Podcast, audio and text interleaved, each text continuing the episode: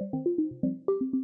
Civilnet-ն ամփոփում է նոյեմբերի 3-ի հիմնական իրադարձությունները։ Արցախը լքած պետական պաշտոնյաները կազատվեն աշխատանքից, հայտնում է Արցախի նախագահ Արայիկ Հարությունյանը։ Ռուսաստանի Դաշնության արտաքին գործերի փոխնախարար Անդրեյ Ռուդենկոն հայտարարել է, որ Լեռնային Ղարաբաղի հակամարտության լուծման ուղղությամբ որոշակի լրամշակումներ կան։ Իտալիայի Պալերմո քաղաքի քաղաքային խորհուրդը ճանաչել է Արցախի անկախությունը։ Իրանի հոգևոր առաջնորդը անդրադարձել է Ղարաբաղյան հակամարտությանը։ Կորոնավիրուսային իրավիճակը Հայաստանում Արցախի նախագահ Արայիկ Հարությունյանը հայտնել է, որ պատերազմի առաջին օրերից Արցախը լքած բարձր եւ ցածր օղակների պետական պաշտոնյաները կազատվեն աշխատանքից։ Հաշվի առնելով պատերազմի առաջին օրերից Արցախի հանրապետությունը լքած բարձր եւ ցածր օղակների պետական պաշտոնյաների դրսևորած ամոթալի վարկագծի փաստի արդիվ հանրային հարթակներում ծավալված քննարկումները հավաստիացնում եմ, որ բոլորի նկատմամբ կիրառվելու է համապատասխան որոշում աշխատանքից ազատելու եւ իրավիճակին համարժեք օրենքով նախատեսված այլ պատժամիջոցներ իրականացնելու իրականացնելու համար, գրել է նա։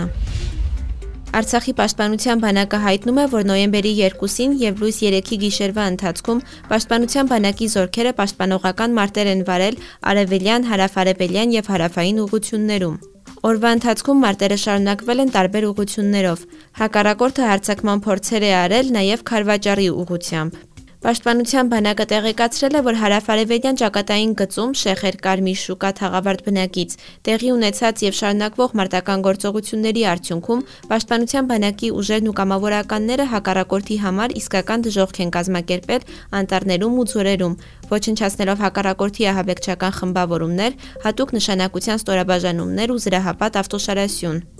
Պաշտպանության նախարարությունը նաև հայտնել է, որ ադրբեջանական կողմի Հայաստանի Հանրապետության զինված ուժերի կողմից Ֆիզուլի քաղաքը եւ շրջակա գյուղերը Սմերջ համազարգային կրակի ռեակտիվ համակարգից կրակի տակ առնելու հայտարարությունը անհեթեթություն է։ Հայաստանի տարածքից նշված ուղությամբ որևէ տիպի կրակ չի վարվել։ Արցախի արտակարգ իրավիճակների պետական ծառայությունը հայտնել է Արցախի տարածքում հակառակորդի կիրառած նոր զինատեսակի մասին։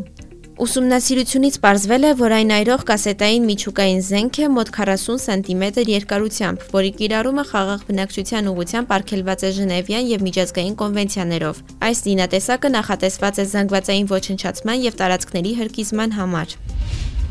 Ռուսաստանի փոխարտգործնախարար Անդրեյ Ռուդենկոն հայտարարել է, որ Լեռնային Ղարաբաղի հակամարտության լուծման ուղղությամբ որոշակի լրամշակումներ կան, որոնք արվել են ԵԱՀԿ Մինսկի խմբի շրջանակներում։ Նա ընդգծել է, որ Մոսկվան կողմ է հակամարտության քաղաքական կարգավորմանը, հաշվի առնելով բոլոր շահագրգիռ կողմերի շահերը։ Ռուդենկոյի խոսքով դեռևս վաղ է խոսել Ադրբեջանի եւ Հայաստանի ղեկավարների հանդիպման մասին։ Հիշեցնեմ, որ նախորդին Ռուսաստանի նախագահ Վլադիմիր Պուտինը Հայաստանի եւ Ադրբեջանի ղեկավարների հետ հեռախոսազրույցներում քննարկել էր Ղարաբաղյան խնդիրը։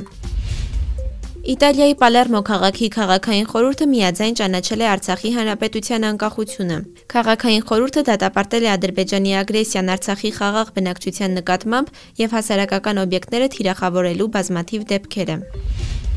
Իրանի հոգևոր առաջնորդ Այաթոլլա Ալի Խամենեին Մուհամեդ Մարգարեի ծննդյան տարեդարձի արդիվ խոսել է տարբեր թեմաների մասին, անդրադարձել նաև Ղարաբաղյան հակամարտությանը, հաղորդում է Իրնա գործակալությունը։ Նա ասել է, որ Իրանի երկու հարևան երկրների միջև պատերազմը դառը խնդիր է, որը պետք է արագ ավարտվի։ Ադրբեջանի Հանրապետությանը պատկանող տարածքները պետք է ազատագրվեն, իսկ հայ քաղաքացիների անվտանգությունը պետք է երաշխավորված լինի, ասել է Իրանի հոգևոր առաջնորդը։ Նա ընդգծել է, որ միջազգային սահմանները պետք է պահպանվեն եւ ահաբեկիչները երբեք չպետք է մտածեն իրանական սահմաններին մոտենալու մասին, քանի որ եթե նրանք դա անեն, ապա խստորեն կպատժվեն։